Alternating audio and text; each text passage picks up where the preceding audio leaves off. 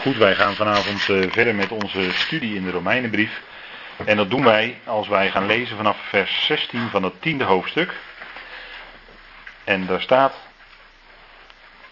in Romeinen 10, maar niet allen hebben aan het evangelie gehoor gegeven. Want Jezaja zegt, Heer, wie heeft geloofd wat hij van ons hoorde? Zo is dan het geloof uit het horen en het horen door het woord van Christus. Maar ik vraag, hebben zij het dan niet gehoord? Zeer zeker. Over de ganse aarde is hun geluid uitgegaan. En tot de einden van de wereld hun woorden. Maar ik vraag, heeft Israël het dan niet verstaan? Voor eerst zegt Mozes, ik zal u naijverig maken op wat geen volk is. Toornig op een onverstandig volk. En Jezaja waagde te zeggen, ik ben gevonden door wie mij niet zochten. Ik ben openbaar geworden aan wie naar mij niet vroegen. Maar van Israël zegt hij, de ganse dag heb ik mijn handen uitgestrekt naar een ongehoorzaam en tegensprekend volk. Even tot zover.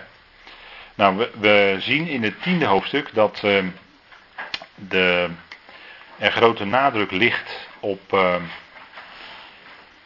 geloof. En dat uh, is heel belangrijk dat Paulus daar de nadruk op legt, want dat is helemaal in lijn met het evangelie wat hij van meet eigenlijk heeft verkondigd in deze brief.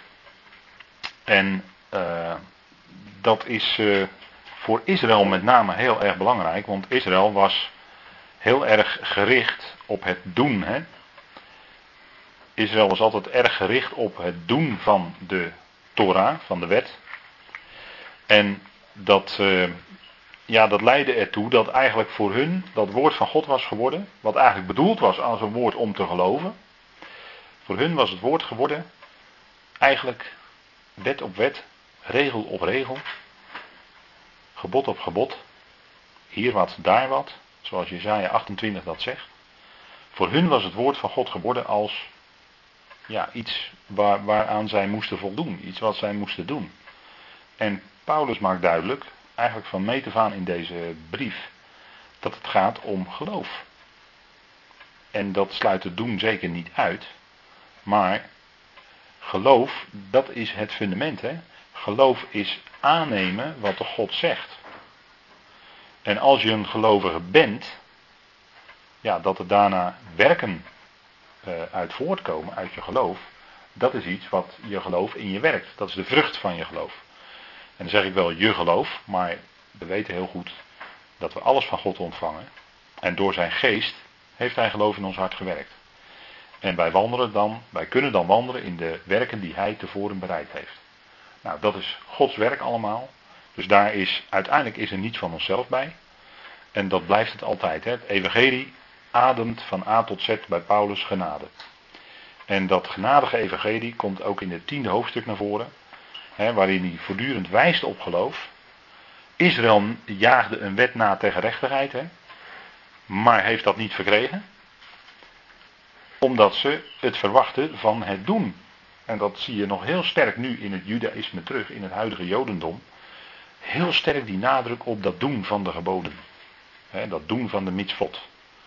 En dat is uh, ja, wat eigenlijk helemaal in die, met name bij die orthodoxe joden, heel erg uh, eigenlijk tot in hun genen ingebakken zit. Het wordt ze van kinds af aan bijgebracht. Het gaat allemaal om het doen. En ze kennen natuurlijk ook inderdaad dat grote gebod. Hè? Hoor Israël, hoor, de Heer uw God is één. Hè? Het is één Heer, het is één God. Dat is natuurlijk voor hun het fundament. Voor hun is er één God. De naam mogen ze niet uitspreken, hè? Jawel. Dat is voor hun hun enige ware God. Daar staan ze mee op en daar gaan ze mee slapen, bij wijze van spreken. Dat is ook echt zo. S morgens en s avonds is dat voor hun het beleiden. Alleen dan in, daarna, hè, dan is het, ze kennen natuurlijk hun eigen geschiedenis. Maar dan, daarna is er heel sterk de nadruk op het doen. Het houden van. Koosje zijn. De Shabbat vieren. Noem alles maar op. Ik denk dat we zelf er nodige van wel weten. Maar daarmee jagen ze, zegt Paulus, een gerechtigheid na. Maar ze doen dat eigenlijk zonder verstand, hè, staat er dan in de vertaling. Ze doen dat zonder de diepere kennis. Zonder te doorgronden waar de Torah in feite van spreekt. Ik kan beter zeggen van wie de Torah in feite spreekt. Spreek van God zelf, spreek van Yahweh, maar onze Heer Jezus Christus is natuurlijk degene die Yahweh bekend heeft gemaakt aan de mensen. En dat is uh, denk ik waar het allemaal om draait. En die kern, hè, want je ziet ook in handelingen, als Paulus spreekt, dan gaat hij altijd eerst naar de synagogen. En dan uh, overtuigt hij de Joden vanuit de schriften dat Jezus de Messias is. Dat hij de beloofde is, hè, de grote profeet. En dat hij de vervulling is van alle beloften die in de Tenach gegeven zijn. Nou, daar, en daar willen de Joden vaak toch niet aan. Want waar zijn zij op gericht? Nou, ze zijn op gericht vaak toch op het behoud van hun eigen religie, van hun eigen judaïsme. En in feite, heel, dat, en dat heeft een belangrijke rabbijn, die nu nog leeft trouwens, ook nog wel een Nederlandse rabbijn trouwens, heeft dat ook wel eens gezegd, heel eerlijk, van als de Messias komt, dan betekent dat het einde van het judaïsme. Dus in de tijd van de Heer Jezus, als we ontdekten dat hij de Messias was, ja, want hij wekte doden op, Lazarus, ontdekten ze, ja, dit moet hem eigenlijk wel zijn. Dat kan eigenlijk bijna niet anders. Maar het zou betekenen het einde van hun eigen godsdienst. Ik bedoel dus, het einde van hun eigen religie. En met name voor de fariseeën en schriftgeleerden betekent het einde van hun positie. Want ze hadden een uh, leidinggevende positie over het volk verkregen. En uh, ze waren heel vaak meer uit op de eer van mensen dan op de eer van God. Dat, uh, hè, dat, is, dat is toch vaak wat bij mensen ook wel een rol speelt. Hè? Nou, dat staat bijvoorbeeld in Johannes 12. Ik wil het toch heel even met u nalezen. Waarom? Omdat dat, uh, omdat in Johannes 12 Jezaja 53 wordt aangehaald. En in het stukje wat we vorige keer behandeld hebben, wordt ook Jezaja 53 vers 1 aangehaald. wie, heeft, wie heeft onze prediking geloofd? Wie heeft geloofd wat wij zeggen? Nou, dan gaan we even kijken naar Johannes 12, vers 37. En het is voortdurend in het Johannes-evangelie. Als u dat leest, moet u maar eens opletten. Dat voortdurend bij Johannes heel sterk terugkomt. Dat conflict van de Heer Jezus. Maar hij liep er gewoon keihard tegenaan. Tegen die tradities. Tegen die uh, allerlei geboden die men erbij had gemaakt. Uh, de fariseeën en schriftgeleerden. Hij liep er voortdurend tegenaan. Er was voortdurend conflict. En dan deed hij weer een teken en dan kwam hij weer in conflict met ze. Elke keer weer. Maar het is wel heel leerzaam om dat steeds te lezen. Vers 37 zegt dan, en hoewel hij zoveel tekenen voor hun ogen gedaan had, en we weten dat Paulus later zegt, de Joden verlangen een teken, weet u wel, 1 Korinthe 1. De Grieken begeren wijsheid, maar de Joden verlangen tekenen. Nou, dat is wat hij deed voor hun ogen. Hè. Hoewel hij zoveel tekenen voor hun ogen gedaan had, geloofden zij niet in hem, opdat het woord van de profeet Jezaja vervuld wordt, dat hij sprak, Heren, wie heeft geloofd wat hij van ons hoorde? En aan wie is de arm des Heren geopenbaard? Nou, dat is Jezaja 53 vers 1. Hè? Dat citeert Paulus dus ook in Romeinen 10. Hierom konden zij niet geloven, omdat Jezaja elders gezegd heeft, hij heeft hun ogen verblind en hun hart verhard, dat zij niet met hun ogen zien, met hun hart verstaan en zich bekeren en ik hen genezen. en dan is het inderdaad God die dat doet. God verblindt hun ogen. God heeft hun hart verhard. Want ja, er is maar één God en die bewerkt uiteindelijk alles. Zowel het goede als het kwade. En je kan zeggen, nou, wat hier staat, dat is een vorm van kwaad, dat hun ogen blind zijn en hun hart verhard is. Ja, en dat is dus Gods werk. Dit, deze vorm van kwaad die we hier lezen, is ook een werk van God. Dat zegt de profeet ronduit. Jezaja 6. En dit zeide Jezaja, want eh, dat, uh, daar legt Johannes nog eens even de nadruk op. Dit zeide Jezaja omdat hij zijn heerlijkheid zag en van hem sprak. Nou, dat is Jezaja 6. weet u wel, die bekende tekst. Ik zag de Heere zitten op een hoge en verheven troon. En dat eindigt dan met, Heer, zend mij. wie zal ik zenden? Wie zal voor mij gaan? Nou, dan zegt Jezaja uiteindelijk, als zijn lip aangeraakt zijn door die eh, hete kool van het altaar, dan zijn zijn lippen gereinigd en dan zegt Jezaja, nou eh, stuur mij, zend mij. Wie zal ik zenden? Nou, mij, zegt Jezaja. Dat was toen Jezaja zijn heerlijkheid zag. En toch geloofden zelfs uit de oversten, heel opmerkelijk wat hier staat, velen in hem, dus die hadden het toch door. Maar ter wille van de fariseeën, dat was dan de, de leidinggevende groep hè, binnen het jodendom, kwamen zij er niet vooruit om niet uit de synagoge te worden gebannen. En de Statenvertaling zegt dan om niet uit de synagoge te worden geworpen, staat er zelfs. Want ze waren gesteld op de eer der mensen meer dan op de eer van God. Ziet u het? Dus die overste die geloofde, die durfde daar niet voor uit te komen. En er zat een stukje angst bij, angst voor mensen. Angst om uit de synagoge geworpen te worden. En dat is wat er steeds gebeurt als je dus, laat maar zeggen, eh, echt tot geloof komt. En daarmee kom je dus los van je eigen religie, welke dat dan ook maar is. Dan word je, als je in zo'n religieuze groepering zit, dan word je vroeg of laat op een of andere manier eruit gewerkt. Want ja, daar, daar kan men niet mee overweg. Gewoon geloof, puur geloof, geloof in het woord van God, God geloven. Ja, dat is, uh, dat is te simpel, dat is te eenvoudig. Dat is, uh, en uh, zeker als het gaat om genade. Ja, dat kunnen de mensen niet verdragen. Kijk, want religie in essentie is, wat ik net al zei, wet op wet, regel op regel. Hier een weinig, daar een weinig, gebod op gebod. Dat is bij elke religie aan de hand. Alleen, bij het evangelie wat Paulus brengt, kom je dus los van je religie. Want dan gaat het alleen maar om geloof en dan gaat het om genade. En dat is dus het, eigenlijk het tegenovergestelde van religie. Religie zegt, je moet iets doen. Dat is religieus. En, en een mens zit zo in elkaar. Hè? Een mens is een religieus wezen. Die wil graag iets doen. Op een of andere manier. Of voor de mensen, om bij de mensen in een goed blaadje te komen. Of tegenover een God, of een God die ze zichzelf gemaakt hebben. Om dan dichter bij die God te komen. Maar er moet iets gedaan worden om. Nou, bij het evangelie van Paulus je, heb je dat dus niet, hè? Dan is het niet jij die het moet doen, nee, dan is hij die het doet. Dan is het niet je eigen werken, maar dan is het genade. En dat is het moeilijkste voor ons mensen. Om iets echt te accepteren dat het ook echt genade is. En dat het ook volledig helemaal voor 0,0% van jou afhangt en voor de volle 100% van God. Nou, dat is, dat is even, maar dat is wel evangelie. Dat is wel een goed nieuws wat Paulus brengt. Namelijk dat die grote God, dat het een genadige God is. Dat het een God is die liefde is. Dat is voor mensen moeilijk te accepteren. En we zien hier een hele menselijke reactie. Hè? Die overste die geloofde. Ze waren ervan overtuigd dat hij de Messias was, want hij deed vele tekenen. Ze hadden het door, maar ze durfden er niet voor uit te komen, want ze waren meer gesteld op eer van mensen dan op de eer van God. Dat is wel een hele scherpe constatering. Hè? Maar zo is het.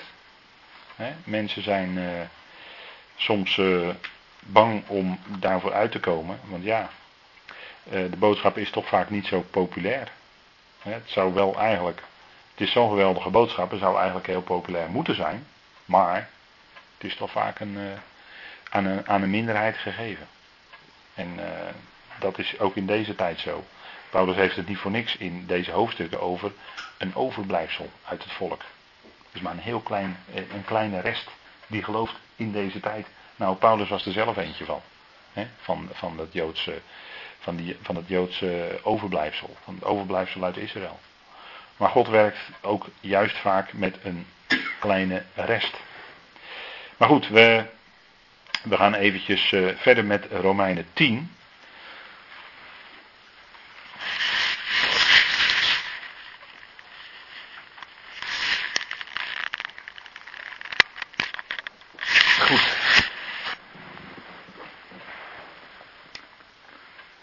Dus geloof is uit het horen, zegt Paulus.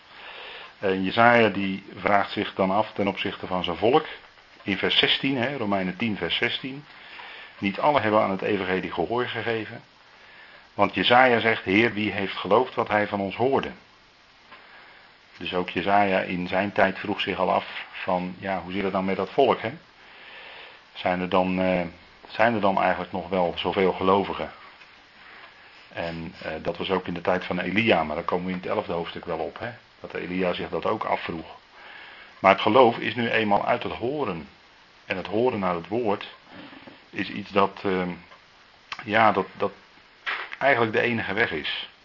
In onze tijd wordt het soms al een beetje, ja, ja, is dat nog wel een manier om het woord te spreken en dan uh, daardoor uh, iets mee te krijgen. Je merkt toch dat veel mensen veel gelovige mensen willen toch graag ja, afwisselend en dan moet het kort zijn en men wil er zelf graag ook iets over zeggen en noem maar op. Maar het is nog altijd hetzelfde principe en wat dat betreft denk ik dat dat oude principe toch heel belangrijk is. Het geloof komt door het horen. En waarom is dat zo? Omdat woorden die uitgesproken worden, daardoor kun je een boodschap overbrengen. En dat is dan noodzakelijk om ook het gewoon eerst aan te horen, het tot je te nemen, het te verwerken. En eh, daardoor te gaan zien wat, wat God bedoelt. Hè. Hij heeft in de Bijbel, dat zijn allemaal woorden, hè, die, zijn dan, die hebben dan een weerslag gekregen in letters die op papier staan. Maar die woorden die moeten gehoord worden, die moeten gesproken worden. Opdat het geloof wekt. En daarom zegt Paulus dat hele belangrijke principe: geloof is uit het horen. Geloof is een geestelijke zaak. Een woord is ook iets geestelijks. Hè? Als het uitgesproken wordt, dan kun je dat niet pakken, maar je kunt het wel horen. En daardoor breng je wel een boodschap over aan iemand anders. En dat is nog altijd de manier, als je daarop gaat letten, we leven wel weliswaar in een tijd waarin heel veel, beeld, heel veel met beeld gedaan wordt. Maar bedenk dat er ook nog ontzettend veel met woorden gedaan wordt. Ook in reclames, ook in uh, ja, op boodschappen die overgebracht worden. Denk maar aan de politiek, daar wordt ook heel veel gesproken. En dat is om een bepaalde boodschap te kunnen overbrengen. En daarom, dat is nog altijd het middel om gedachten, ideeën uh, enzovoort van de een op de ander te kunnen overbrengen. En daarom is het spreken van het woord en het luisteren naar het woord, wat wij dus voortdurend doen, is nog altijd gewoon het middel, het communicatiemiddel om dus een boodschap over te brengen en ook een boodschap op te vangen hè, van wat God zegt. En daarom is het horen naar het woord ongelooflijk belangrijk. En ik denk ook dat, uh, kijk, je hebt van die mensen, van die gelovigen, daar moet ik altijd wel een beetje om glimlachen. Maar je hebt van die gelovigen die zeggen van ja, als ik s'avonds niet in slaap kan komen, dan zet ik gewoon een bijbelstudie aan en dan val ik met die bijbelstudie in slaap. Nou, dat, is, eh, dat kan, je, kan je natuurlijk positief en negatief opvatten. Dat het heel slaapverwekkend is, maar ik denk dat het juist een hele goede manier is, want je valt met die woorden van God in slaap. Nou, dat is toch een hele goede manier. Dat is dan het laatste wat je tot je neemt die dag. Ik denk dat dat goed werkt. En um, daar, kijk, daar, daar zit ontzettend veel in. Want uh, een mens die verwerkt toch ook s'nachts, als hij slaapt, heel veel dingen van die dag. Nou, als je dan als afsluiter, zeg maar, die woorden van God tot je neemt, dan verwerk je dat s'nachts in je slaap. En nou, dat doet zijn werk toch in je. En dat is gewoon nou, opbouwend voor je geloof. En uh, dat is eigenlijk het beste, denk ik, wat je mee kan krijgen. Dus het geloof is uit het horen. Nou, hier zien we dan een, uh, een afbeelding van uh, Paulus. En die spreekt dan het woord. Hier een voorstelling zoals die schilder het gemeend heeft dat het was. Paulus op de Areopagus. En waar hij dan die geweldige toespraak houdt. Je moet het maar eens nalezen, handelingen 17. En dan wordt er uh, vaak de nadruk op gelegd dat hij dan zegt dat ze zich moeten bekeren. Maar u moet eigenlijk daarvoor lezen wat hij daarvoor allemaal zegt. Want het is echt geweldig wat hij daar zegt over God. Wie God is, hoe groot God is. En wat hij eerst tegen ze zegt. En dat hij dan tegen ze zegt, kijk, en bovendien het woord bekering, wil ik u even misschien ten overvloed op wijzen, is een verandering van denken. Metanoia, dat is het woord voor bekeren. Of metanoeo in het Grieks. Dat betekent anders gaan denken. Kijk, als wij het woord bekeren horen, en dat vanuit de traditie, hè, wat eh, tegenwoordig in eh, kerken en evangelische gemeentes nog steeds gemeengoed is, het begrip bekering, daarmee bedoelt men uh, geen zondige levenswandel meer voeren, maar een levenswandel die veranderd is.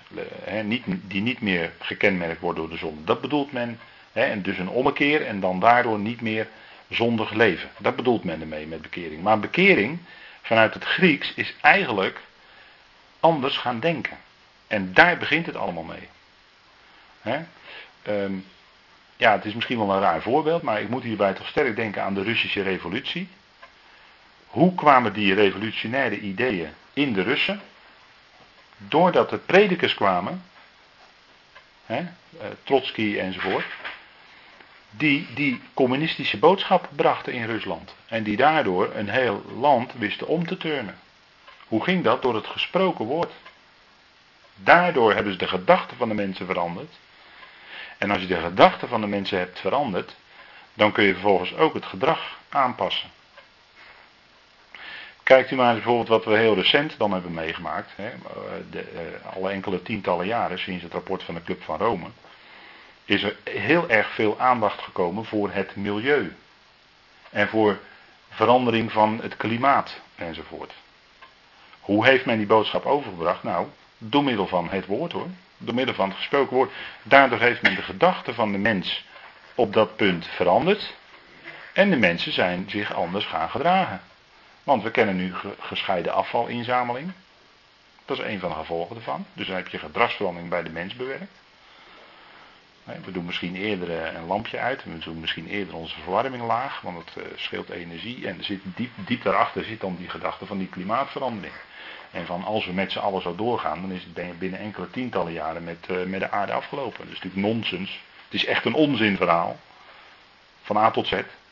Maar uh, daarmee heeft men wel wereldwijd de gedachten van de mensen veranderd. Dat is dus door het gesproken woord gekomen. Doordat wij door middel van de media geïndoctrineerd worden met die boodschap. En dan gebruik ik bewust dat woord hoor. Nou, en dat is wat Gods woord dan ook in ons bewerkt. Eerst een verandering van denken. Want gedachten hebben alles met je hart te maken hoor. Sla de Bijbel er maar op na, maar gedachten hebben met je hart te maken. En daardoor krijg je ook een verandering van gedrag. Door de inwerking van Gods geest in je denken. De geest van je denken wordt veranderd. En daardoor ook je gedrag. Dat is daar het gevolg van. Dat is ongelooflijk belangrijk. Dus het geloof is uit het horen. En daarom is het horen naar het woord nog een van de belangrijkste dingen. het, is eh, mooi als we tegenwoordig met onze moderne communicatiemiddelen een spreker kunnen zien en horen. Maar eigenlijk is horen al genoeg. Want daardoor komt die boodschap over. En het zien is eigenlijk secundair. Maar het gaat om het gesprokene. Wat, wordt er gesproken? Uh, hè, hoe, welke boodschap? Hoe komt die over? Nou, dat is. Hè, die boodschap, die woorden, die raken je hart, die, die veranderen je gedachten. Dus het geloof is uit het horen. Het belangrijke principe wat Paulus hier naar voren brengt. In vers 17. Hè, er waren ook in de tijd van Jezaja niet zoveel gelovigen. Wie heeft onze boodschap geloofd? Wie heeft onze prediking geloofd? Nou, er waren er niet zoveel in die tijd. Maar het geloof is uit het horen en het horen door het woord van Christus. Kijk, als Israël straks tot geloof komt. Degene die dan nog leven van het volk, moet ik er wel bij zeggen. Maar de, als Israël straks tot geloof komt, waardoor gebeurt dat dan? Nou, door het horen naar het woord van Christus. Het woord van hun Messias. Dat zullen ze dan horen. Het, voor hun geldende evangelie. En dan zullen zij de naam van de Heer aanroepen en ze zullen gered worden. En ze zullen het land uit kunnen vluchten. Hè, als Olijfberg midden doorsplijt. En uh, de ene helft gaat naar het noorden en de andere naar het zuiden. En er ontstaat een dal van west naar oost. En daardoor zullen ze kunnen ontvluchten. Zo, zo zal het straks zijn. Maar dat is pas aan het einde van de 70ste week van Daniel. Hè. Dan zullen ze het land uitvluchten als de Messias zijn voeten zet op de Olijfberg. Nou, dan uh, gaan een heleboel dingen gebeuren. Maar het geloof is uit het horen. En het horen door het woord van Christus, dat is ook dan zo. en als dan die prediking van het evangelie van het koninkrijk over de hele wereld zal gaan. Ja, dan zal dat over de hele wereld heen mensen tot geloof brengen. Maar dat is pas allemaal nadat wij weg zijn hoor, praat ik nu over. Het gebeurt allemaal nadat wij weggerukt zijn bij de bazuin gods. Maar, dan, hè, maar ook nu vandaag is ook het geloof uit het horen. Hoe ben je tot geloof gekomen? Nou, doordat je het evangelie hoorde. Dat kan niet anders. Je hebt gehoord van hem, die je zo lief heeft. En hij is degene die alles voor je heeft gebracht. Hij is opgewekt uit de dood. Nou, dat evangelie heb je gehoord. God heeft geloof ingewekt. dat evangelie heeft geloof ingewekt. Dat is Gods werk.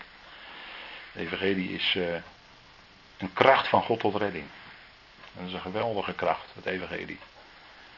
Niet onze eigen inspanningen, wat we ook zouden doen. Nee, het evangelie is een kracht van God tot redding. dat goede bericht dat Paulus bracht. En dat, eh, dat blijft zo in ons leven. Hè? Dat evangelie is voortdurend, dagelijks een kracht van God tot redding. Dat is niet alleen aan het begin, dat je tot geloof kwam. Hè? We hebben misschien wel gezongen, Johan de Heer. Hè? O blijde dag, o zalige stond. Wie kent dat lied? Toen ik Jezus als mijn redder vond. Bekend Johan de Heer lied hoor. Hè, daar denk je misschien nog wel eens aan terug. Nou, dat was ook een hele fijne dag. Maar daarna is het natuurlijk verder gegaan. Daarna ben je gaan groeien in je geloof. En dat is door die kracht van het evangelie. Dat is de enige kracht waardoor je kunt blijven staan, waardoor je leeft, waardoor je troost hebt, noem alles maar op. Dat is de kracht van God door het evangelie, door dat goede bericht.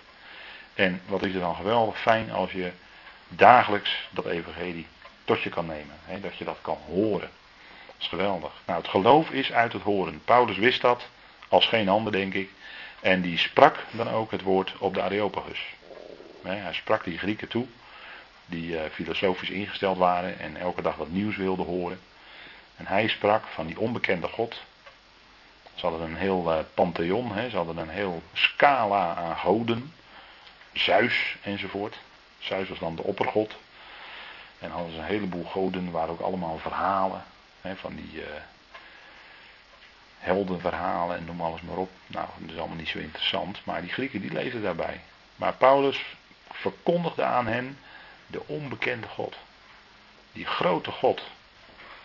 Wie ze zich niet bewust waren, maar intussen leefden ze in hem, hè, waren ze in hem. En dat, uh, dat evangelie bracht Paulus. Nou, dat is geweldig. En dan kwamen enkele tot geloof. En dat is eigenlijk een plaatje van de hele periode die daarna ook zou komen. Het woord wordt gesproken. Velen geloven niet. Maar er zijn enkele die tot geloof komen. Net als toen. Nou, dat is, uh, dat is dan ook bijzonder dat wij ook bij die groep horen. Hè, dat we dat evangelie hebben leren kennen. Nou, het geloof is uit het horen en het horen door het woord van Christus. Heel erg belangrijk, erg fundamenteel principe. Nou, wie heeft de prediking geloofd? Dit stukje hebben we er net al gelezen. Ik liep er net al een beetje vooruit. Jezaja 53 vers 1. En dat wordt ook aangehaald in Johannes 12. De Heer sprak van zijn heerlijkheid. En hij zag, let op hè, Jezaja zag Yahweh. Dat staat er, hè? hij zag Yahweh zitten op een hoge en verheven troon. En hier wordt het door Johannes toegelicht dat Jezaja dus de heerlijkheid zag van Christus. Vers 41. Dit zei Jezaja omdat hij zijn heerlijkheid zag. En hier wordt gesproken over de Heer. Nou, kunnen we wel even opzoeken, Jezaja 6 wat heeft Jezaja dan precies gezien? Het is eigenlijk een, uh, een uh, stuk gericht. Jezaja 6 is eigenlijk een, uh, een visioen van gericht wat Jezaja ziet. Maar we gaan het niet in detail nu erop in, omdat dat, dat, dat voert te ver van, van het onderwerp af om in detail uh, in te gaan op wat, uh, wat dat precies voorstelt. Maar we kunnen wel even lezen wat Jezaja nou zag. In het sterfjaar van koning Uzia. En dat is ook. Uh, er was ook een grote aardbeving hè, in de dagen van Uzia. Dat wordt in Jezaja 14 gememoreerd. En zo'n soort aardbeving zal er ook zijn in de eindtijd voor Israël.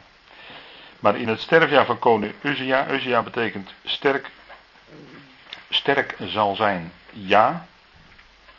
Ja is dan de afgekorte naam van Yahweh. Sterk zal zijn ja, betekent Uzia. Zag ik de Heere zitten, dat is dan Yahweh, zitten op een hoge en verheven troon. En zijn zomen vulden de tempel. Dus hier wordt het priesterschap, de troon en het uh, sorry, het koningschap, de troon en de priesterschap worden hier gecombineerd. Hè? Hij zat op een hoge en verheven troon, dat is het koningschap, en zijn zomen vulden de tempel, dat is het priesterschap. Dus koning en priester zien we hier. Hè? Serafs stonden boven hem, ieder had zes vleugels, met twee bedekte hij zijn aangezicht, met twee bedekte hij zijn voeten, en met twee vloog hij, en de een riep de ander toe, heilig, heilig, heilig is de Heere der Heerscharen dat is Yahweh van de menigten. De ganse aarde is van zijn heerlijkheid vol. En de dorpelposten beefden van het luide roepen en het huis werd vervuld met rook. En de serafs, dat zijn de vurigen, hè, serafs. Het huis werd vervuld met rook. En toen zei ik, wee mij, ik ga ten onder, want ik ben een man onrein van lippen en woon te midden van een volk dat onrein van lippen is. En mijn koning, en mijn ogen hebben de koning, de Heere der Heerscharen gezien. Maar een der seras vloog naar mij toe met een gloeiende kool, die hij met een tang van het altaar genomen had, en raakte mijn mond daarmee aan en zei, zie, deze heeft uw lippen aangeraakt. Nu is uw ongerechtigheid geweken en uw zonde verzoend. En daarop hoorde ik de stem van de Heer, die zei, wie zal ik zenden en wie zal voor ons gaan? En ik zei, hier ben ik, zend mij.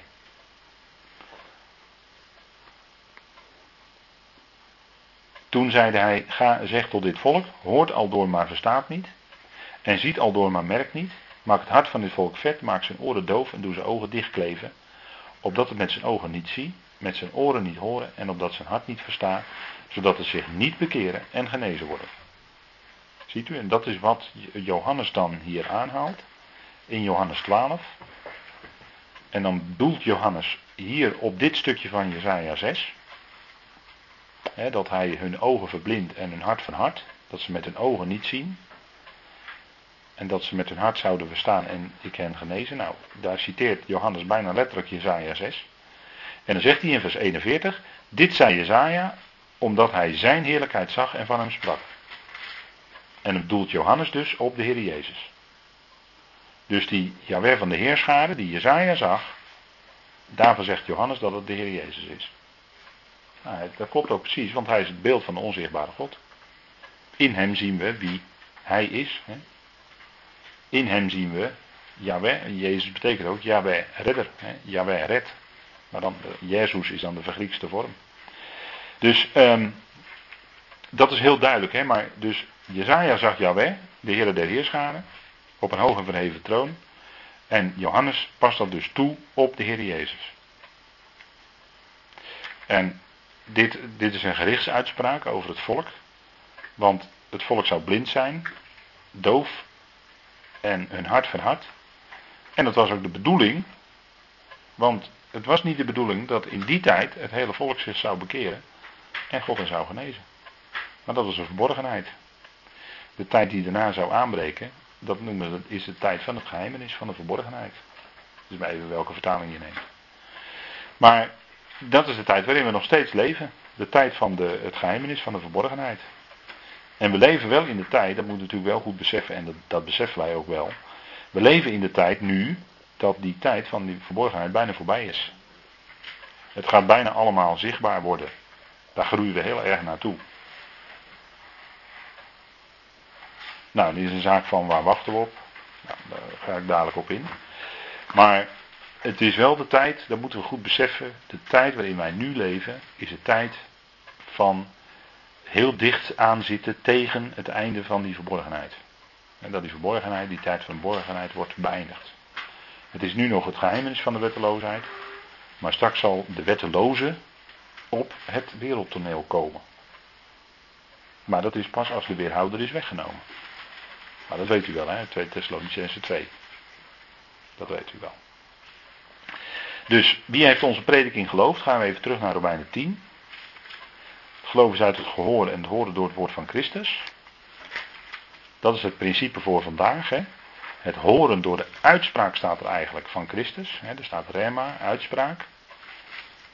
Hè? Dat, is, dat, is, het geheel van de woorden. Hè? Een uitspraak is het geheel van de woorden de rema van Christus. Nou, het horen is door die uitspraak. En dat is het principe voor vandaag. En heel wat gelovigen die tuinen erin. Maar het is vandaag niet een tijd van tekenen en wonderen. als, er, als er grote predikers komen. Ja, dan ga ik weer iets zeggen wat niet leuk is. Maar als er grote predikers komen. Die op een podium gaan staan. En die gaan op dat podium zogenaamd of ja, misschien wel voor het oog echte tekenen en wonderen doen, dan is dat niet van God.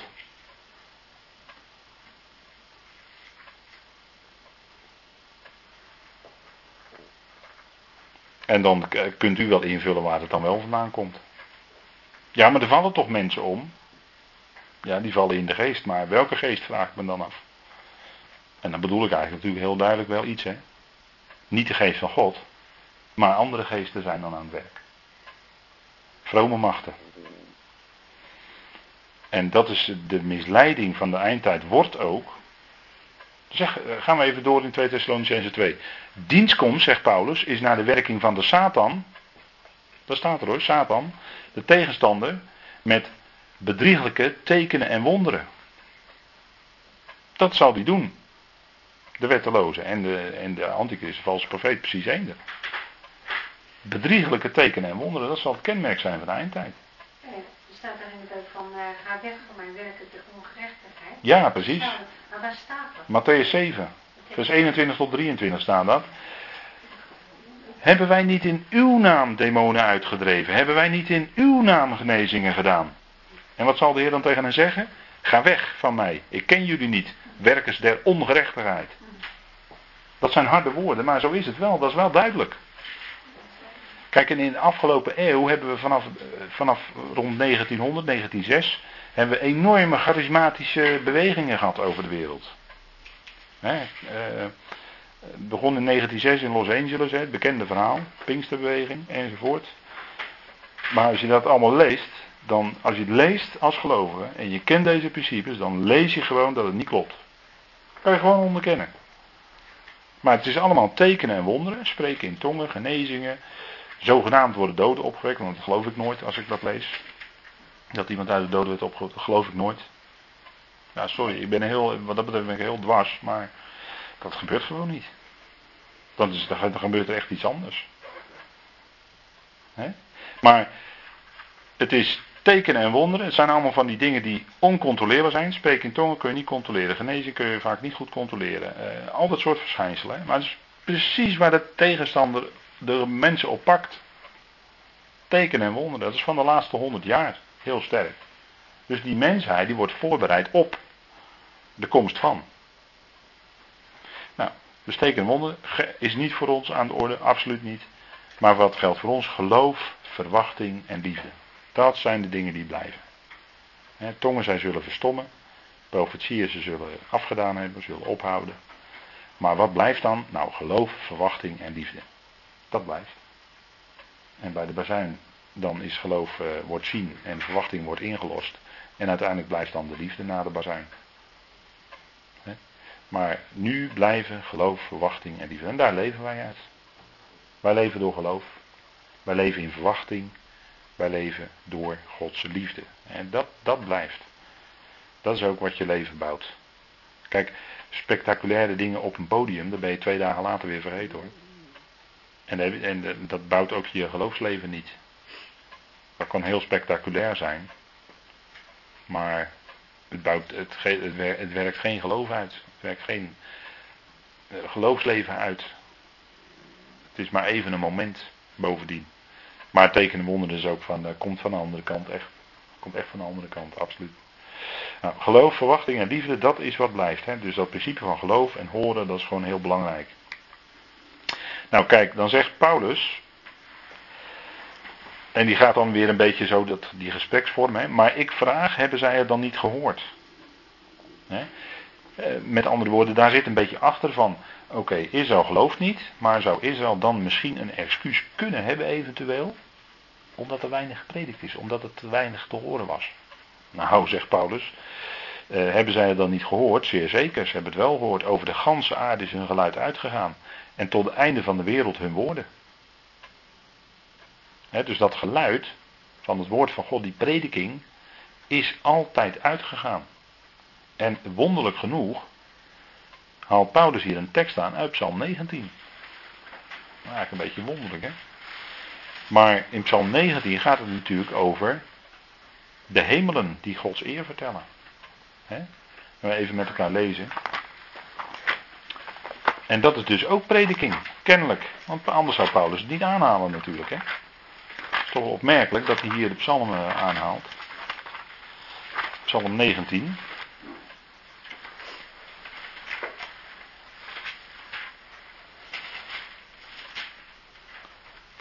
En dat is een psalm van David. Hè?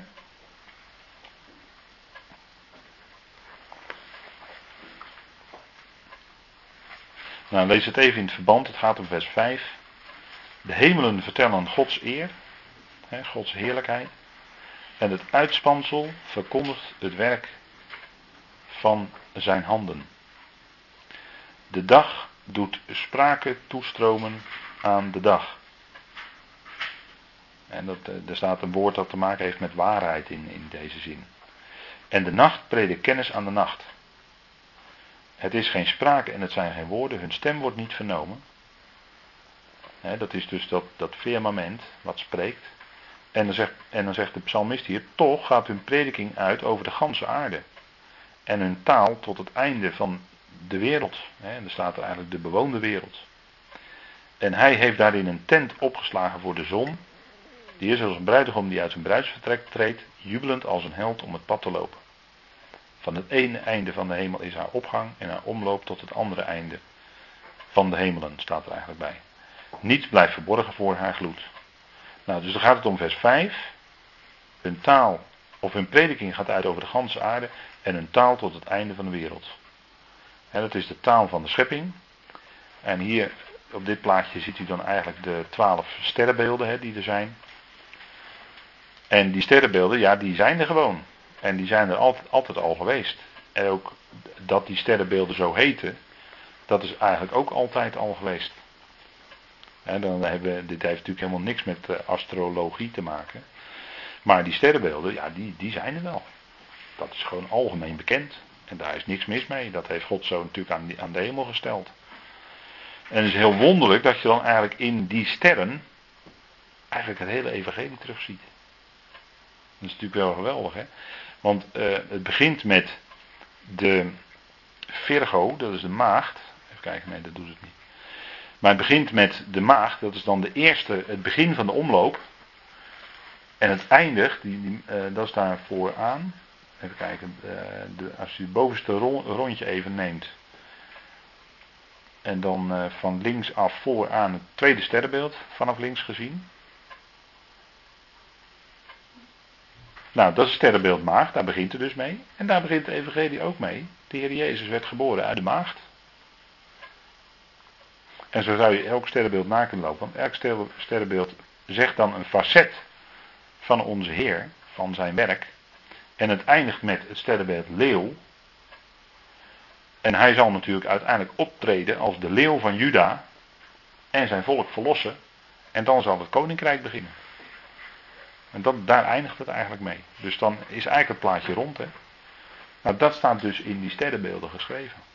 En daar zou je een hele uitvoerige studie aan kunnen wijden. Want daar is nog veel en veel meer over te zeggen. Maar het is heel wonderlijk, hè? Dat het evangelie staat in de sterren. Ja, ja dat is geweldig. Ja. André heeft er wel eens een keer over gesproken op zondag. Maar dat is, eh, dat is toch heel, eh, heel merkwaardig, hè? Dat. Uh, en, en zoals altijd eh, wordt, wordt, eh, wordt dit geweldige, wat God dus in die schepping heeft gelegd, wordt dus door de tegenwerker veranderd. En we, zitten met de astrologie en sterrenwichelarij en noem alles maar op. Kijk, dat is dus, de, dat is dus wat de tegenwerker eh, eh, van heeft gemaakt en mensen mee misleidt. Maar ga je terug naar de oorspronkelijkheid, naar de bron, dan blijkt dat precies het, het, hetzelfde boodschap te zijn als we ook terugvinden in Gods woord. En dat is natuurlijk fantastisch. Nou, en dat is wat dan daarin geschreven staat. En die prediking gaat dus altijd uit. Ook al wordt het niet gehoord met woorden die uitgesproken worden, zoals wij die nu horen. Maar het is wel degelijk, de boodschap staat wel degelijk in die sterren geschreven. De boodschap van het Evangelie. Nou, dat is natuurlijk geweldig iets, hè. En dan gaat dat geluid, of die stem, die prediking, gaat dan toch uit over de hele aarde. En dat is wat Paulus natuurlijk zegt. Dus uh, wat dat betreft uh, denk ik dat uh, de psalmist, hè, David, die heeft natuurlijk door God geïnspireerd zo opgeschreven. Ja, dat is natuurlijk niet voor niks. Hè? En die zon, die spreekt natuurlijk ook van de Heer zelf. En in de profeten wordt hij ook de zon van de gerechtigheid genoemd. Hij is de zon van de gerechtigheid. En de zon is natuurlijk van, altijd, van oudsher sowieso een beeld van God zelf. En ook van en de warmte van de zon van Gods liefde. Dus ja, dat geluid gaat over de gehele aarde uit. En dan zegt Paulus inderdaad in Romeinen 10, vers 18. haalt hij dat aan en zegt, ja, over de hele aarde is hun geluid uitgegaan tot het einde van de wereld hun woorden. Dus sowieso is het altijd te horen, of in dit geval te zien geweest, die boodschap. ik denk dat dat. Uh, en, dat is, en daarom heeft Israël, die heeft altijd die boodschap natuurlijk gehoord en kunnen waarnemen. En daarom heeft Israël, kan nooit het excuus hebben van het is te weinig gepredikt of het is te weinig te horen geweest. En daarom kunnen wij niet geloven. Nee, het is een bewust werk van God. Maar we gaan even een moment pauzeren. Goed, wij waren gebleven in Romeinen 10 en we waren geëindigd voor de pauze bij vers 18. We hebben heel even gekeken naar het getuigenis van de sterren, hè, zoals u ook op de dia ziet, op de presentatie. En hun geluid is over de hele aarde uitgegaan, dat is toch een heel wonderlijke zaak. Dr. E.W. Bullinger heeft daar een uh, heel intrigerend boek over geschreven, waarin hij deze zaken uiteenzet, hoe dat hele evangelie eigenlijk in de sterren staat geschreven. En uh, dat is toch wel heel bijzonder, denk ik. Hè? Dat het zo door middel van die sterrenbeelden allemaal te zien is. Elke dag staat dus dat evangelie eigenlijk aan de hemel ook geschreven. Nou, dat is toch wel heel bijzonder, denk ik. En het kan alleen maar dezelfde auteur zijn natuurlijk. En dan in vers 19 staat van Romeinen 10, maar ik vraag, heeft Israël het dan niet verstaan? heeft Israël het dan niet gehoord? Nou, Israël moet wel degelijk dat evangelie gehoord hebben. En dat Israëls verharding dus een feit zou zijn, hè, dat in de toekomst dat zou gaan gebeuren. En dat zij ook uh, jaloers gemaakt uh, worden en zouden worden. Dat stond eigenlijk al in de Torah, hè, want Paulus haalt Mozes aan hier. En dan zegt hij, maar ik vraag, heeft Israël dan niet verstaan? En voor eerst zegt Mozes, ik zal u naijverig maken op wat geen volk is, toornig op een onverstandig volk. En dat is een aanhaling uit Deuteronomium 32, vers 21. En Israël, die zou tot jaloersheid verwekt worden. En dan staat er door geen volk. dus op een of andere manier stond al in de Torah, dus in Deuteronomium 32, dat Israël jaloers zou worden op dat wat geen volk is. Dus dat, dat die boodschap, dat die vreugdeboodschap, naar de volkeren zou gaan. En dat Israël daardoor jaloers zou worden. Er wordt nog helemaal niet expliciet over de gemeente liggen van Christus gesproken. Dat nog niet. Maar er wordt wel gesteld dat Israël jaloers zou worden. ze zouden tot jaloersheid gewekt worden. Door geen volk. En dat heeft alles te maken met het feit dat het woord, die vreugdeboodschap, naar de volkeren zou gaan. Nou, Deuteronomium 32, laten we even met elkaar lezen. En dan ziet u dat het, en er staat toch wel meer hoor, in uh, die laatste hoofdstukken van Deuteronomium, waarin uh, Mozes bekend maakt uh, dat er een tijd zou zijn waarin de Heere God zijn aangezicht zou verbergen voor zijn volk. Tijdelijk hoor, tijdelijk, maar wel, het, zal wel gaan, het zou wel gaan gebeuren. Nou, dat is ook wat in deze tijd natuurlijk aan de hand is. Hè. Het volk voor een deel eert God wel, maar dat doen ze op hun manier in het judaïsme, maar God verbergt in feite zijn aangezicht voor hen. Deuteronomium 32, en dan het 21ste vers.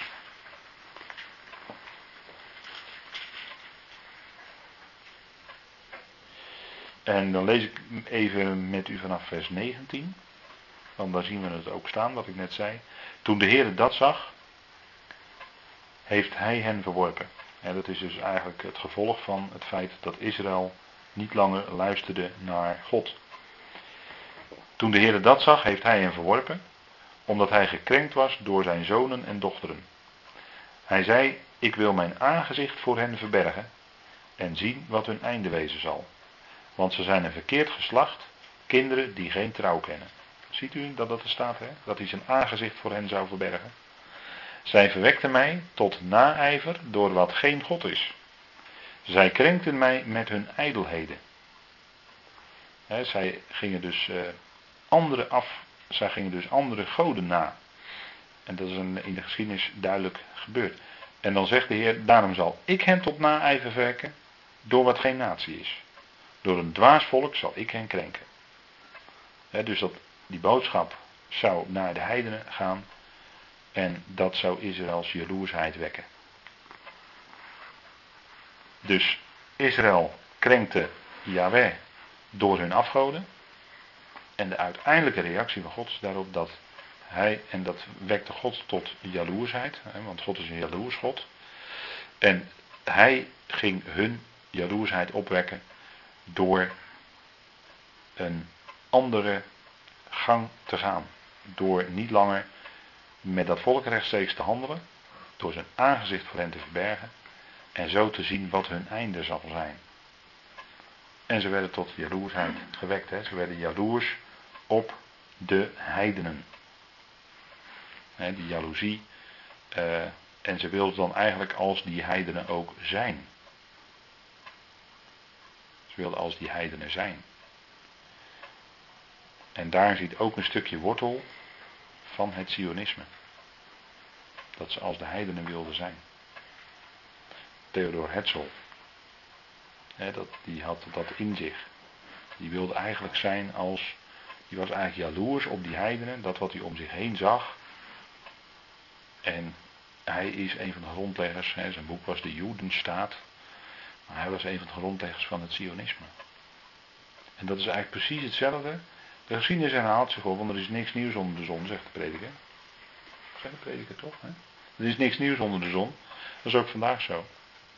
Kijk, Israël had Yahweh als koning. En wat ging Israël doen? Die ging om zich heen kijken. En die volken rondom, die hadden allemaal een eigen koning. En Israël wilde dus ook een koning hebben. Ze wilden zijn zoals de heidenen. Begrijpt u? Nou, waar ik even zeg, kijk, Theodor Hetzel had het in zich. Hij keek naar de heidenen. En daaruit is uiteindelijk dan het Zionisme geboren. Zij wilde dus een staat stichten. Voor de Joden. Maar heel doelbewust niet een staat onder Yahweh. Nee, een staat zoals alle andere staten. Zonder God. Een republiek. En met een president enzovoort. Dat zit er in feite achter. Hè?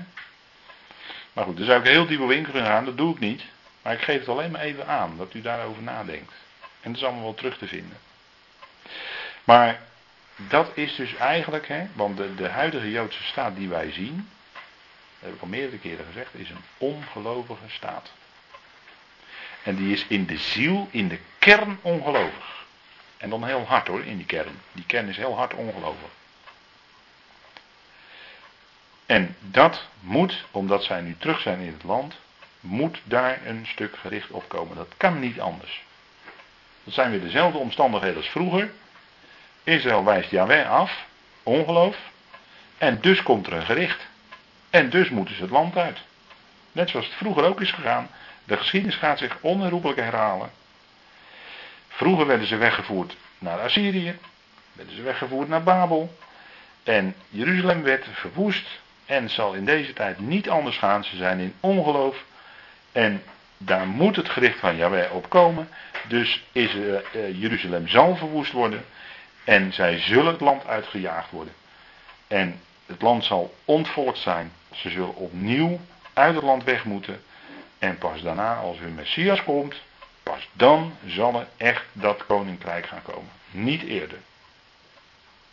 Dat, zo, zo liggen de zaken. Ik kan het niet anders maken dan dat het is. En dat is wat gaat gebeuren. Wat ook Daniel zegt, Daniel 9. Tot het einde toe zullen er zijn vastbesloten verwoestingen.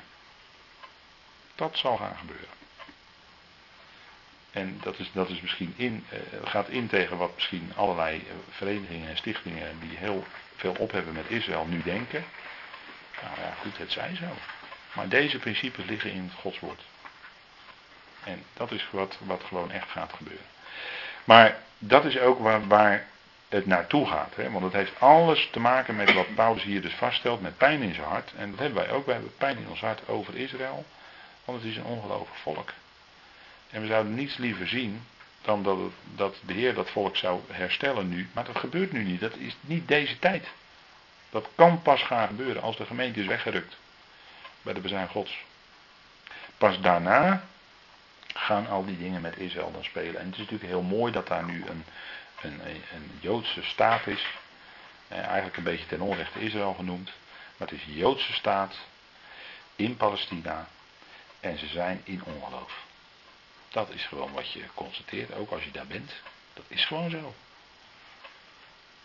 En van origine was het eigenlijk een communistische staat.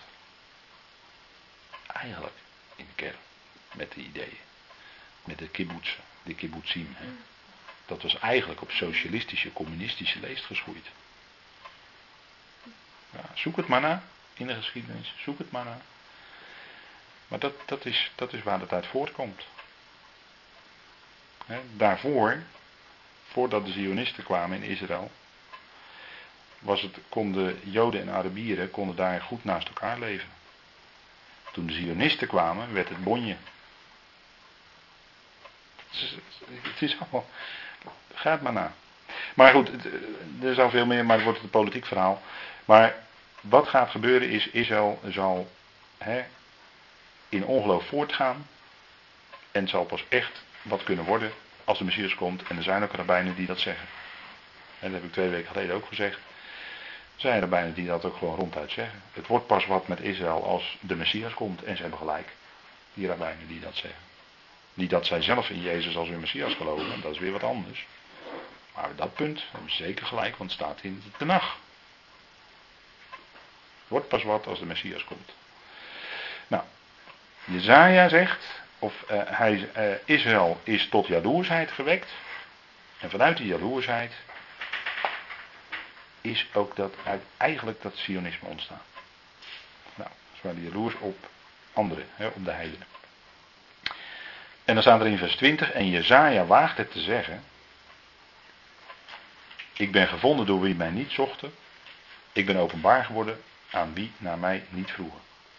Uh, laten we zeggen, uh, de, de christenheid, en dan zeg ik het even heel grof en heel breed, de christenheid of het christendom.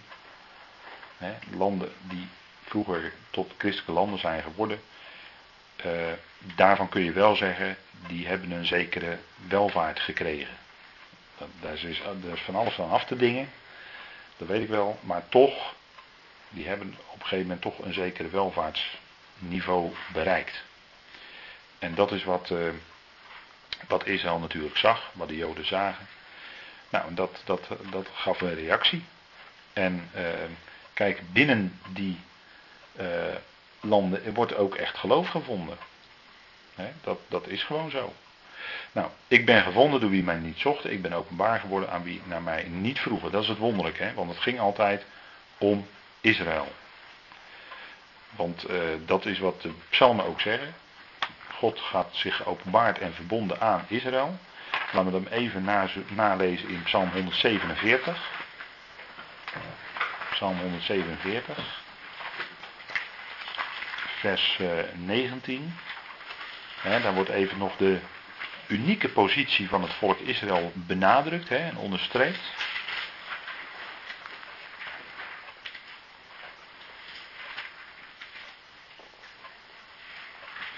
vers 19 en 20. Hij heeft Jacob zijn woorden bekendgemaakt, aan Israël zijn inzettingen en verordeningen. Al dus heeft hij aan geen enkel volk gedaan en zijn verordeningen kennen zij niet. Halleluja. Geprezen zij onze God, betekent dat eigenlijk, als je het vertaalt. Halleluja. Geprezen zij onze God, ja. Maar u ziet dus, hij heeft aan Israël de woorden en de inzetting en alles bekendgemaakt. En dan zegt vers 20, al dus heeft hij aan geen enkel volk gedaan. Dat is wat de psalmist terecht natuurlijk zag en geïnspireerd door God opschreef. Maar er is op een gegeven moment punt gekomen dat dat woord, dat evangelie, dus naar andere volkeren is gegaan. En dat is natuurlijk het wonderlijke waar Jezaja dan op wijst en wat Paulus dan citeert in vers 20. He, Jezaja wacht te zeggen, ik ben gevonden door wie naar mij niet zochten. Ik ben openbaar geworden aan wie naar mij niet vroegen. Dat zijn dus die heidenvolkeren, die andere volkeren. daar had God zich niet zo aan verbonden zoals we net hebben gelezen in Psalmen. Hij heeft daar geen enkel volk zo gedaan. Maar er is later wel een tijdstip aangebroken waarop dat woord naar die andere volkeren toe is gegaan, naar de heidenen. En dat is natuurlijk heel bijzonder. Hè? Vandaar dat, dat is het bijzondere wat Paulus dan bedoelt in vers 20. Hè? Dat hij zich natuurlijk, hè, ik ben gevonden door wie naar mij niet zochten. En inderdaad, hij heeft zich laten vinden. Maar dat is ook zijn werk geweest natuurlijk. Hè? Zijn reactie op de afvalligheid van Israël was dat dat woord naar de heidenen ging. En straks zal natuurlijk ook blijken dat ook die heidenen eigenlijk grotendeels weerspannig zijn. En dan gaat het weer terug, maar dat is verderop in hoofdstuk 11. En dan zegt hij van Israël, en dan citeert Paulus uh, Jezaja 65. En er staat er ook bij in de NBG-vertaling als verwijzing. De ganse dag heb ik mijn handen uitgestrekt naar een weerspannig en tegensprekend volk. en zo is het in feite vandaag de dag nog. Ehm, en, en, en, als we nou in de, Tenach daar een, hele duidelijke illustratie van willen lezen, van het weerspannige van Israël, dan is dat bijvoorbeeld in Jeremia 44. Dat is nou een hoofdstuk wat u niet elke dag leest, denk ik. Jeremia 44.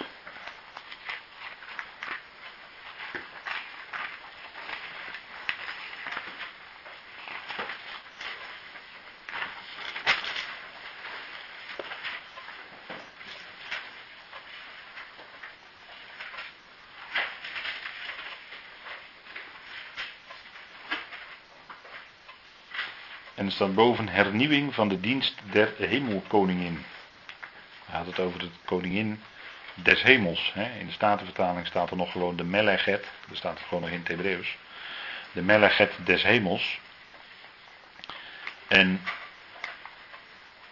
dat is wat uh, hierin uh, als, als een duidelijk voorbeeld van de weerspannigheid van Israël naar voren komt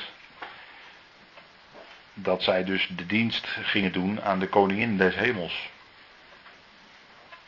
En dat is wat uh, in feite de Rooms-Katholieke Kerk vereert in de Maria-verering. Dat is hetzelfde. Dat weet u, hè? Maria-verering. Hetzelfde als verering aan de koningin des hemels. Zo wordt Maria ook wel eens genoemd. Maar in vers uh, eh, 15 lezen we van Jeremia 44. Toen antwoordden al de mannen die wisten dat hun vrouwen voor andere goden offers ontstaken.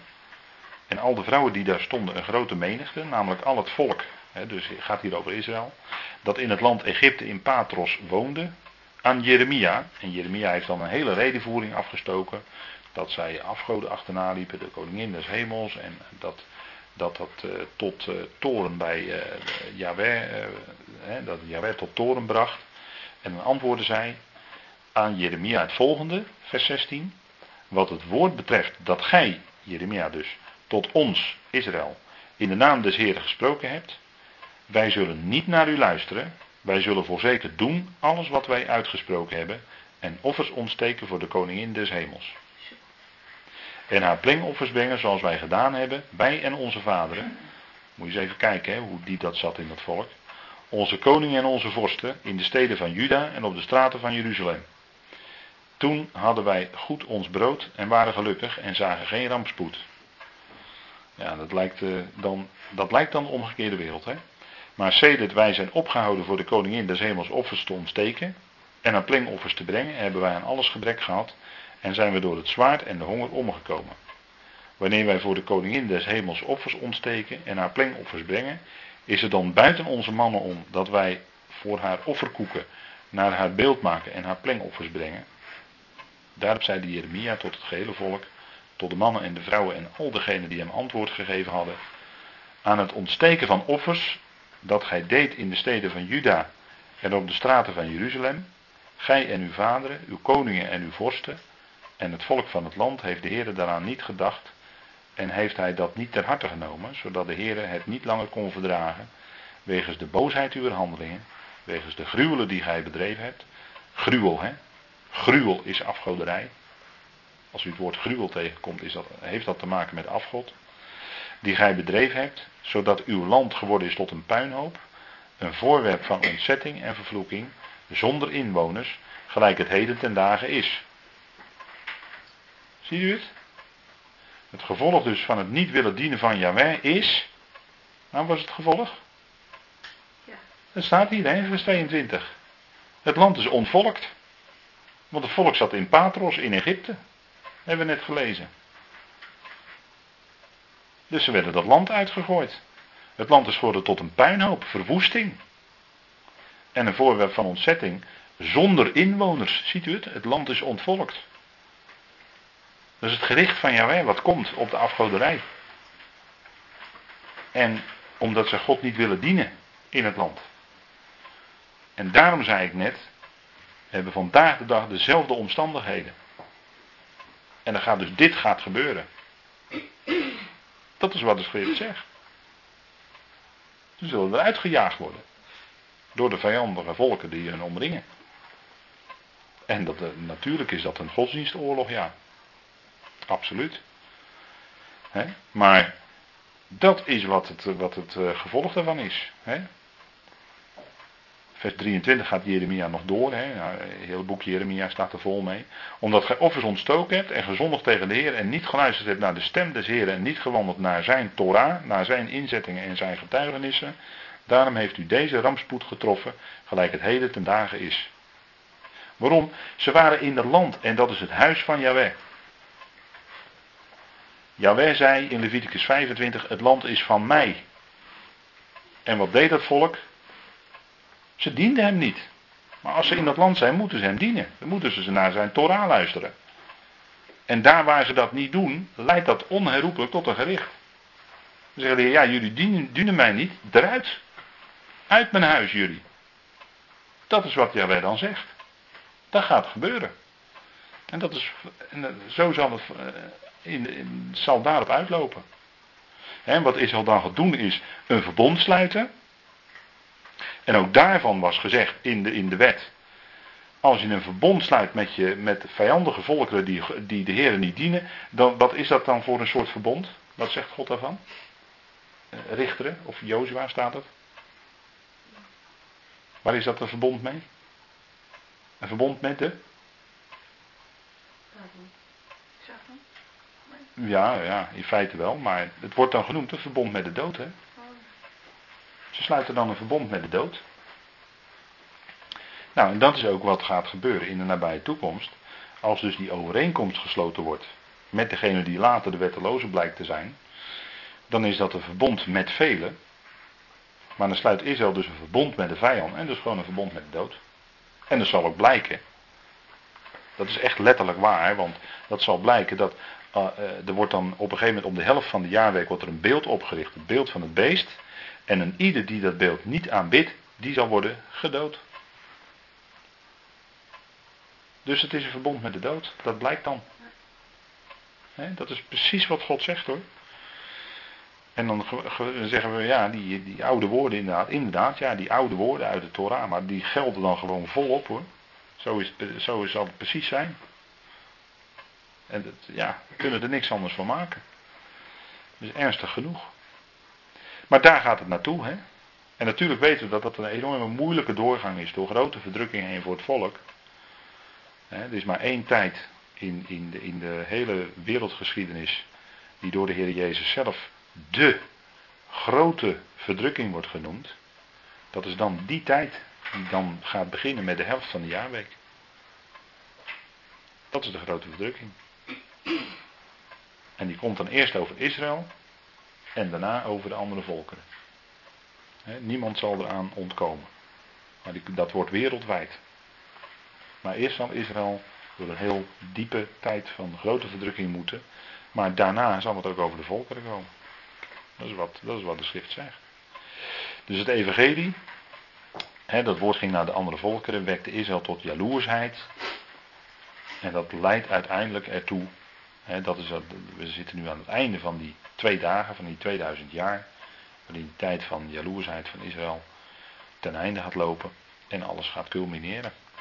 Nou, Israël is jaloers. Ik heb daar eh, even een aantal voorbeelden van voor u opgezet vanuit handelingen.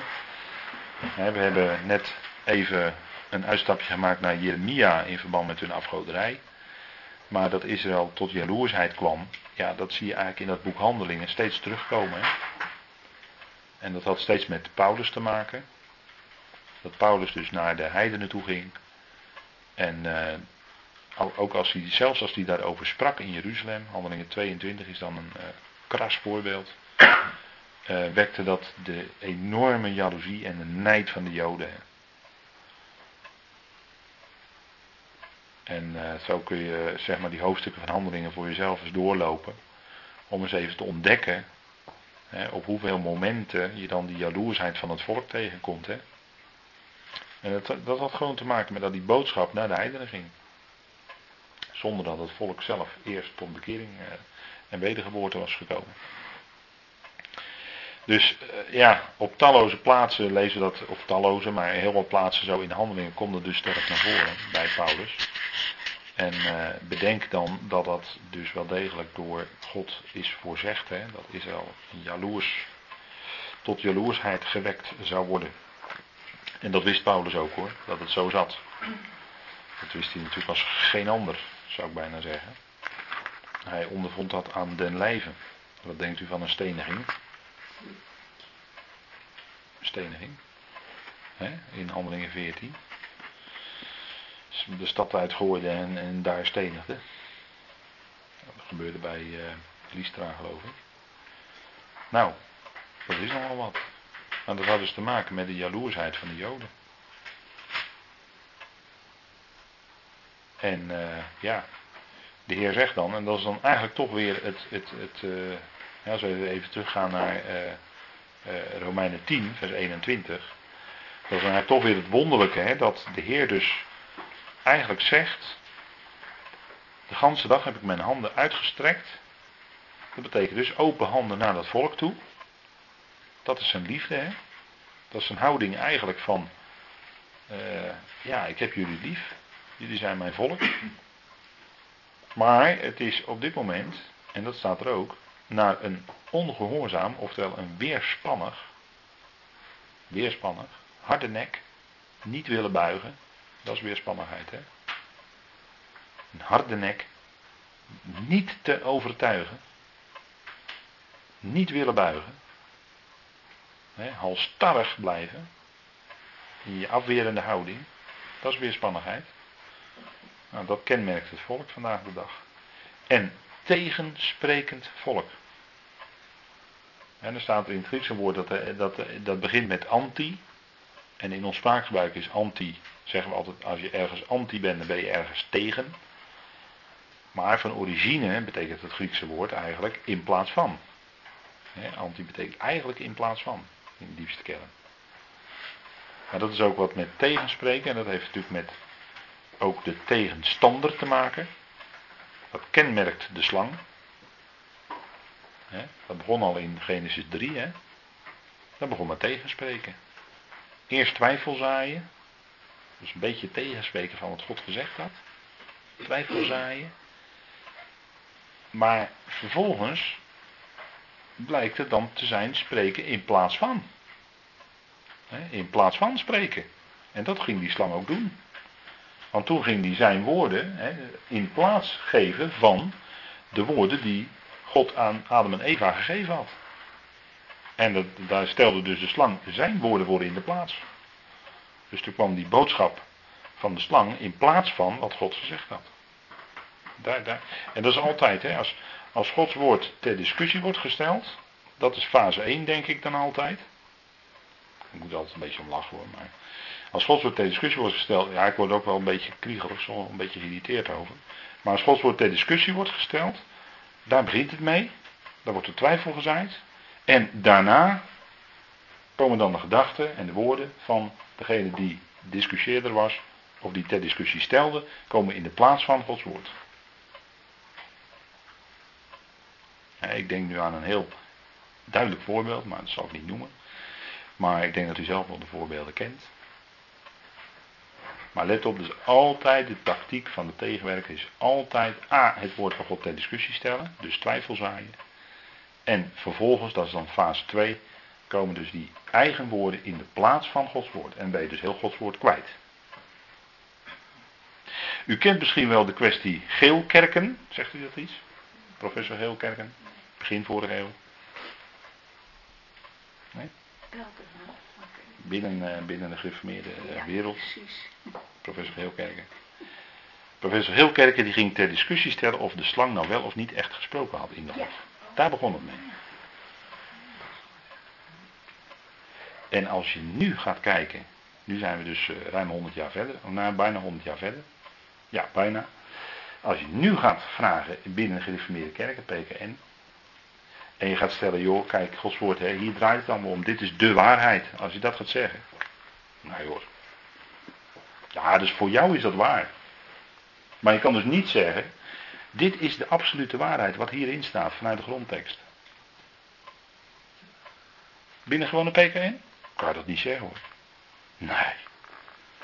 Snapt u? Dus het is 100 jaar geleden begonnen. En op een gegeven moment kregen we het rapport God met ons. In 1980 was dat geloof ik. En toen werd de hele waarheidsbegrip ter discussie gesteld, maar dat was al de vreugd, de wrange vreugd van wat Geelkerken in 1922 al had gezaaid. Begrijpt u hoe het werkt? En nu is er dus geen waarheid meer binnen die kerk. En alles moet maar kunnen. Ja, nou ja, niet helemaal. Want nu laatst las ik in de krant dat. eh, en dat ging dan natuurlijk over dominee Hendricks, hè. Atheïstische dominee, ja, dit, dit is zo krom. Hij noemt zichzelf zo, sorry hoor, hij noemt zichzelf zo, hè. Ja, hè? Ja, dat is, dat is triest genoeg. Ja, wat predikt hij dan? Een atheïstische dominee, ja, heeft dus helemaal niks te vertellen, denk ik dan. Hij kan zich beter aanmelden bij het Humanistisch Verbond. Ja, nee, dat meen ik bloedserieus. Die man heeft niks te zoeken op een kansel in een kerk. Helemaal niks. Die moet gewoon naar het Humanistisch Verbond gaan. Maar, nou, naar aanleiding van die kwestie, want ja, ze hebben de hele procedure tegen hem niet doorgezet enzovoort. En nu moest er toch wel een reactie op komen, dus dat stond er dan in de krant. Bekend, eh, eh, iemand in die, in PKN-kerk had gezegd, ja, maar je kan niet alles zeggen binnen de kerk. Maar, want voor ons is wel heel belangrijk dat wij geloven in een drie-enige God. Dan denk ik van ja, het schip is eh, hartstikke lek. En je gaat het dichten met, met heel dun papier. Maar dat is dus, ja, dat is dus waar ze terecht zijn gekomen. Je kan dus het woord daar niet brengen alsof dat voor de mensen de absolute waarheid is. Dat heeft het dus tot gevolg. Hè? En dan ziet u dat die wortels daarvan dus al heel ver terug liggen. En dat de tactiek dus van de slang altijd hetzelfde is. Wat dat is gewoon eigenlijk een beetje saai vind ik soms. Want ja, je herkent het dan zo makkelijk hè. Ja, ja, dit is die oude, dit is die oude slang weer. Dat is zo makkelijk. Makkelijk te herkennen. Eerst ter discussie stellen. En daarna volledig ontkennen en eigen woorden in de plaats geven van. Nou, je ziet, Hendricks heeft dus helemaal niets meer over. Dat is een lege huls, die heeft niets te brengen. Helemaal niets.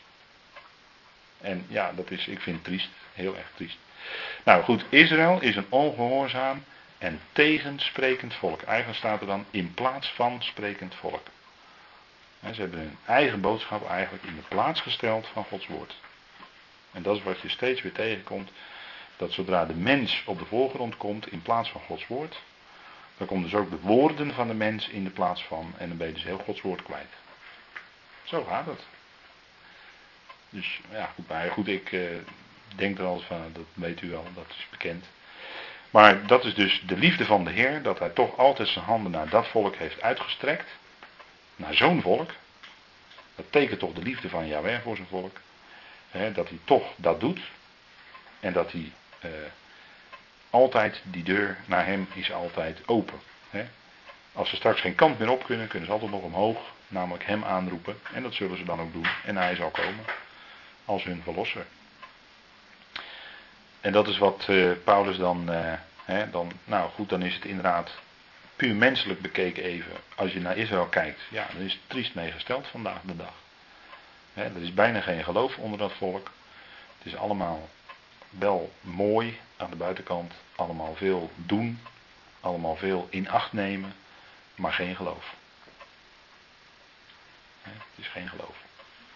Het is geen erkenning van de Heer Jezus als hun Messias. Nou, en we weten ook ten diepste, dat is ook een werk van God. Hij heeft hun harten verhard. Hij heeft hun ogen gesloten, hè, dat ze niet kunnen zien. En hij heeft hun oren dichtgestopt, zodat ze niet kunnen horen. Het is ten diepste allemaal zijn werk. En hij zal ook op die tijd dat hij, die hij bepaald heeft, dat ook weer van hun wegnemen. Dat is uiteindelijk zoals het zit. Maar, en dan stelt Paulus de vraag hè, in Romeinen 11, vers 1. God heeft zijn volk toch niet verstoten? Nee, want er is nog toekomst voor Israël.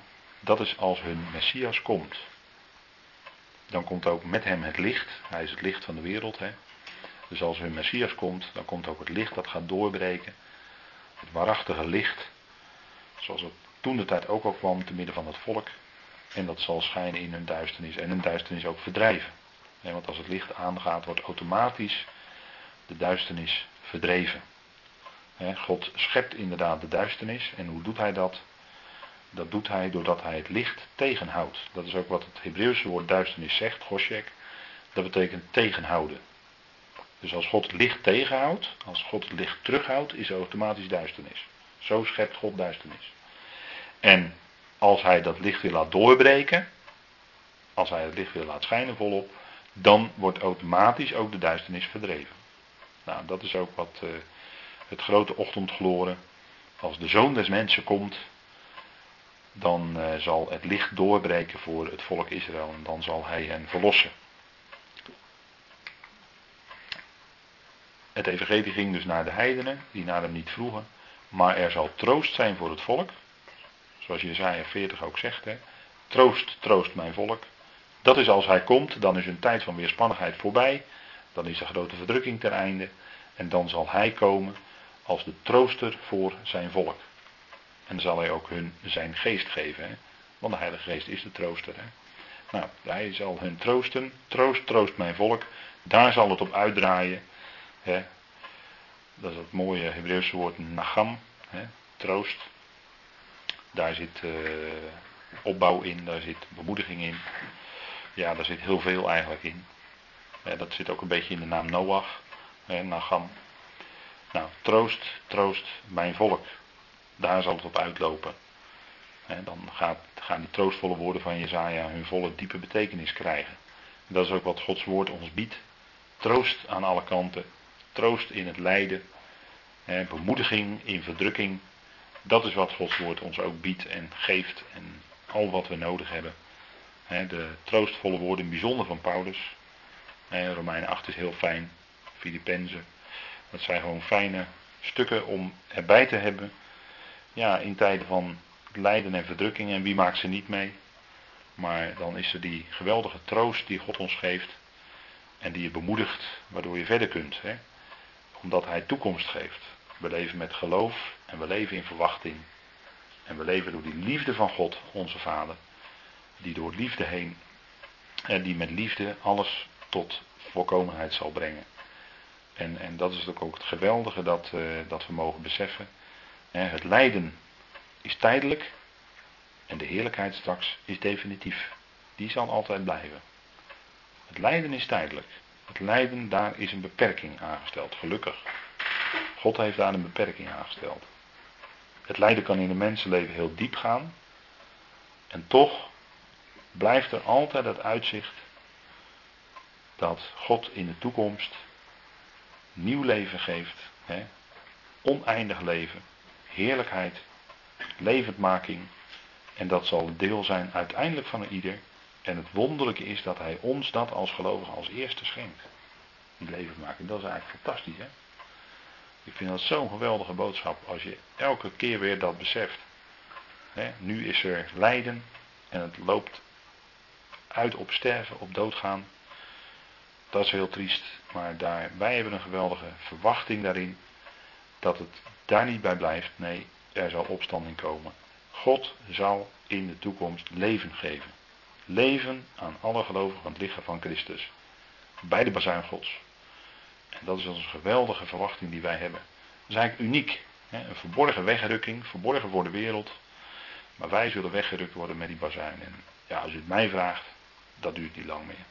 En dat is onze troost, dat is onze verwachting, onze hoop waaruit we leven en waarop we leven. Nou, Gods hand is uitgestrekt naar dat volk. En natuurlijk altijd naar ons, maar wij zijn in zijn handen. Hè? Wij zijn in zijn hand en we kunnen nooit of te nimmer uit zijn hand vallen. Nooit. Dat is absoluut onmogelijk. Want hij kende ons al tevoren. Al, eigenlijk al uitgekozen voor de nederwerping van de wereld. Nou, toen waren we eigenlijk al in zijn hart en in zijn hand. Hè? Nou, Gods handen zijn uitgestrekt naar dat volk. Een volk dat uh, moeilijk te overtuigen en tegensprekend is. En heeft God dan zijn volk verstoten? Nou, we weten het ook het antwoord, hè. Volstrekt niet, zegt Paulus dan. Dat zij verre. Nou, dat is uh, ook voor dat volk die geweldige hoop en die troost, die zekerheid. Die we ook wij in ons hart meedragen. Dat wil ik hierbij laten voor vanavond.